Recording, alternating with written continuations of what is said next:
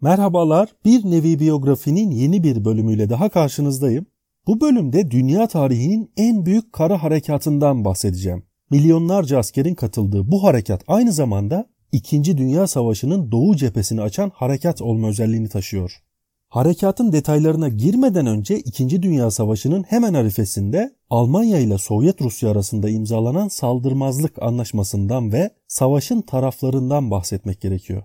Molotov-Ribbentrop Paktı olarak da bilinen bu anlaşma Nazi Almanyası ile Sovyetler Birliği arasında Polonya'yı aralarında paylaşmaya olanak tanıyan bir saldırmazlık anlaşmasıydı.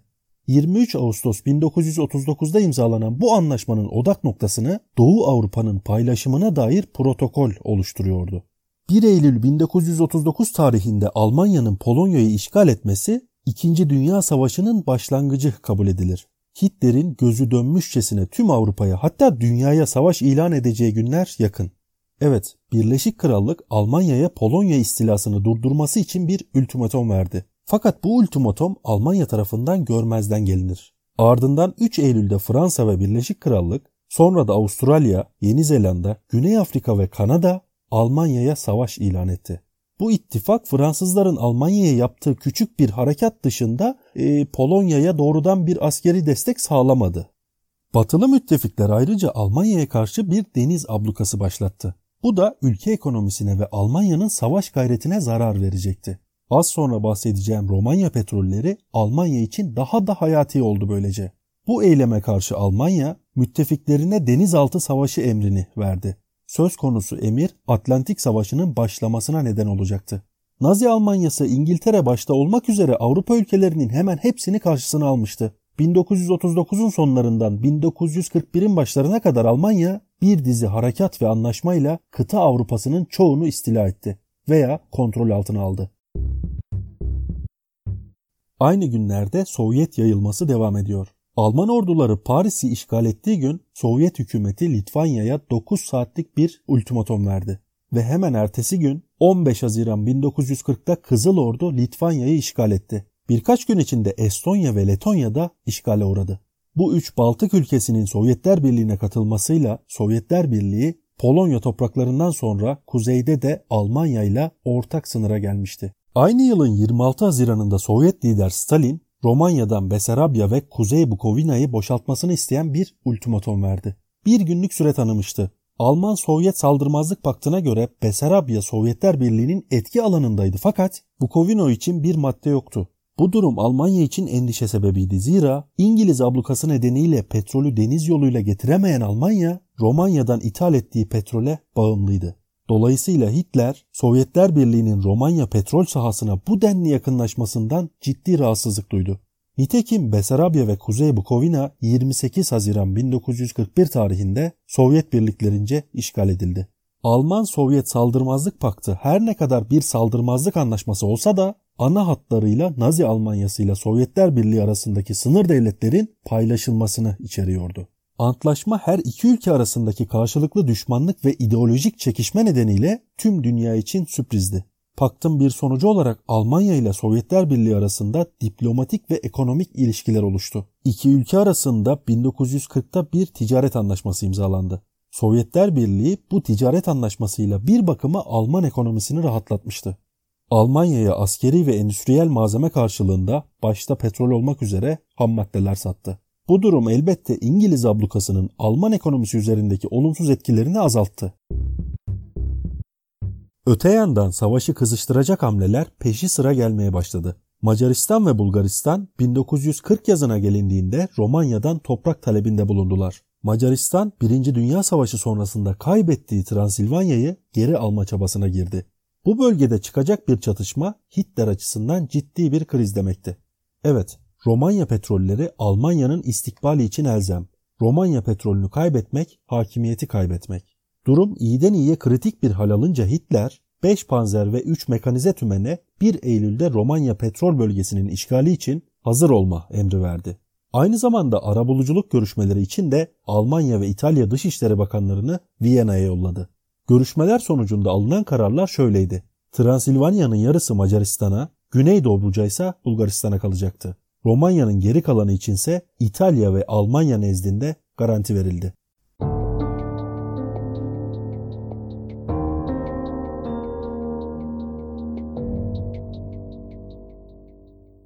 Romanya'ya verilen bu garanti Stalin'in tepkisini çekti. Nazi Almanyası ve Sovyet Rusya arasındaki ilişki giderek gerginleşiyor. Yugoslavya'da 26 Mart 1941 gecesi gerçekleşen bir hükümet darbesi Balkanlarda Alman istilasını başlatan bir ateşleme oldu adeta.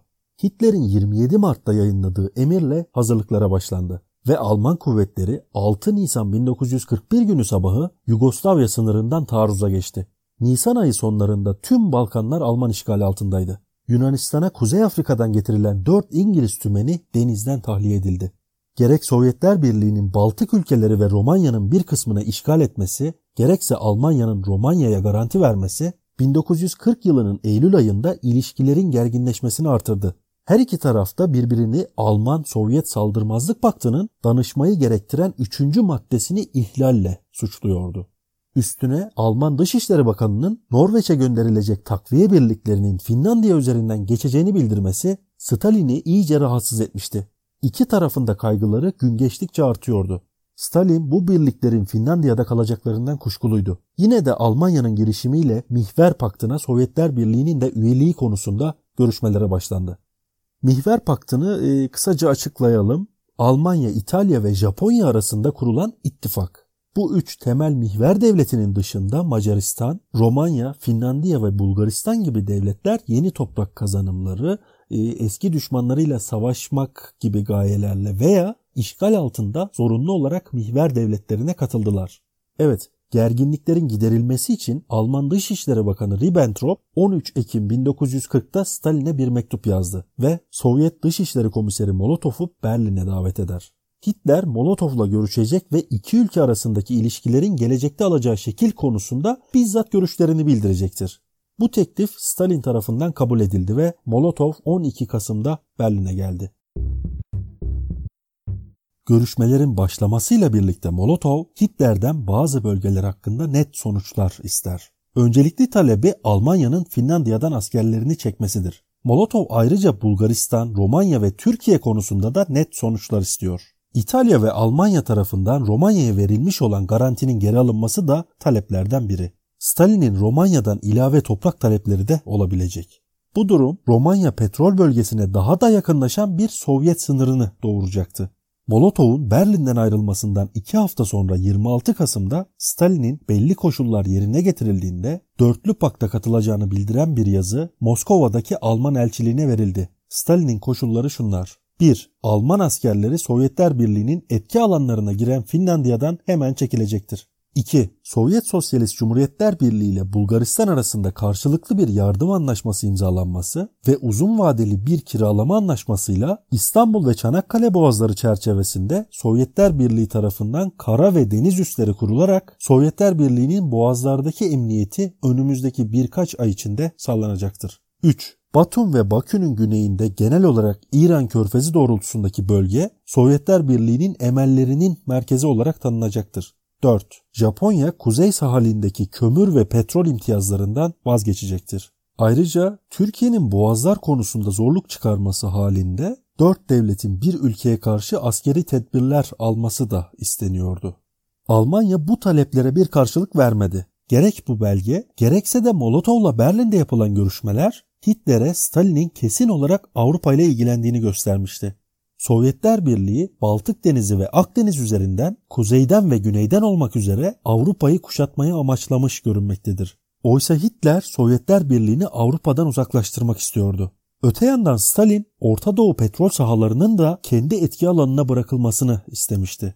Bu iki gelişmenin ertesinde Hitler Sovyetler Birliği'nin olabildiğince erken dize getirilmesi gerektiğini söyler ve planlara başlanır. Evet, İkinci Dünya Savaşı'nın Doğu cephesi açılacak ve tarihin en büyük kara harekatı olacaktır. Harekata başlama tarihi için 15 Mayıs'tan itibaren karar verilecekti. Lakin Hitler Yugoslavya'da meydana gelen Alman muhalifi askeri darbeye ve İtalya'nın Arnavutluk'u işgali karşısında Yunan ordularının ilerleyişine müdahale kararı vermişti. Böylelikle Barbaros harekatı ertelendi. Şimdi harekatın sonuçlarına ayrıca değineceğiz. Fakat şunu önceden söylemek gerekiyor. Harekatın sonunda Ruslar akıl almaz büyüklükte kayıplar verdi. Asker ve sivil halktan e, milyonlarca insan öldü. Almanya'nın bu harekattaki kaybı Rusya'ya nazaran insan gücü bakımından çok daha az. Sayılara ayrıca değineceğiz ama netice itibariyle Almanya tam manasıyla emellerine ulaşamadı. Ciddi bir ilerleme kaydetse de Moskova'yı alamadı. Kafkas petrollerine ulaşamadı örneğin. Tabi Almanya'nın başarısız olması konusunda dile getirilen e, birçok sebep var. Harekatın ertelenmesi bunlardan biri. Diğer sebepler 1941 yılında Rusya'da ilkbaharın uzun sürmesi, dolayısıyla da Haziran'da devam eden yağışların e, ana ulaşım yollarında ilerlenmesi zor hale getirmesi vesaire. Özetle iklim koşulları. Tabi yatsınamayacak bir gerçek de şu ki bir noktadan sonra Sovyetlerin takviye kuvvetlerle birlikte ciddi direniş göstermesi, hatta başarılı taarruzlar gerçekleştirmesi de e, harekatın seyrini değiştirdi. Hazırlık sürecine dönelim tekrar. Almanlar Balkan cephesindeki savaşın bitmesini beklemeden birliklerini kitleler halinde Sovyet sınırında toplamaya başladı. Romanya Sovyetler Birliği sınırına 1941 yılının Şubat ayı içinde 680 bin kişilik kuvvet yığdı. Taarruz için 3,5 milyon Alman askeri, 1,5 milyon civarı da müttefik askeri Sovyet sınırına toplandı. Sovyet toprakları üzerinde birçok hava keşif görevleri başlamıştı ve sınır boylarına muazzam miktarda malzeme yığıldı. 5 milyon civarı askerden bahsediyoruz. Rusya büyük ölçüde gafil avlanmıştı. Stalin saldırmazlık paktı sebebiyle böyle bir harekatı beklemiyordu. En azından o an için. Sadece Stalin değil generalleri de neredeyse emindi. Hazırlıklar sürerken bir yandan da taarruzun tarihi hakkında casuslar bilgi taşıyordu. Almanya bilinçli olarak e, yanlış tarih sızdırıyor. Öte yandan İngiliz istihbaratı Sovyet Rusya'ya bilgiler veriyordu. Evet, Hitler ve generallerinin istila planı belliydi artık. Sovyetler Birliği'nin belli bölgelerini 3 ayrı ordu grubuyla istila etme stratejisi üzerine anlaşmışlardı. Kuzey Ordular Grubu, Merkez Ordular Grubu ve Güney Ordular Grubu. Kuzey Ordular Grubu Baltık devletleri üzerinden Rusya'nın kuzey kesimine ilerleyerek Leningrad'ı bugünkü adıyla St. Petersburg'u düşürecek, Merkez Ordular Grubu Moskova'ya yürüyecek, Güney Ordular Grubu yoğun nüfuslu ve tarımsal potansiyeli yüksek Ukrayna'ya saldıracak, ardından doğu yönünde devam ederek Güney Rusya'nın bozkırlarına ve zengin petrol yatakları olan Kafkasya'yı alacaktır. Hitler başkumandanlık ve çeşitli komutanlıklar ana hedefler konusunda fikir ayrılığı yaşadı. Harekatın hazırlıkları esnasında başkumandanlığın geneli doğrudan Moskova'ya taarruzu savunuyordu. Fakat Hitler kuvvetleri Sovyet başkenti civarında toplamadan önce Ukrayna'nın ve Baltık ülkelerinin zengin kaynaklarını ele geçirme fikrinde ısrarcıydı.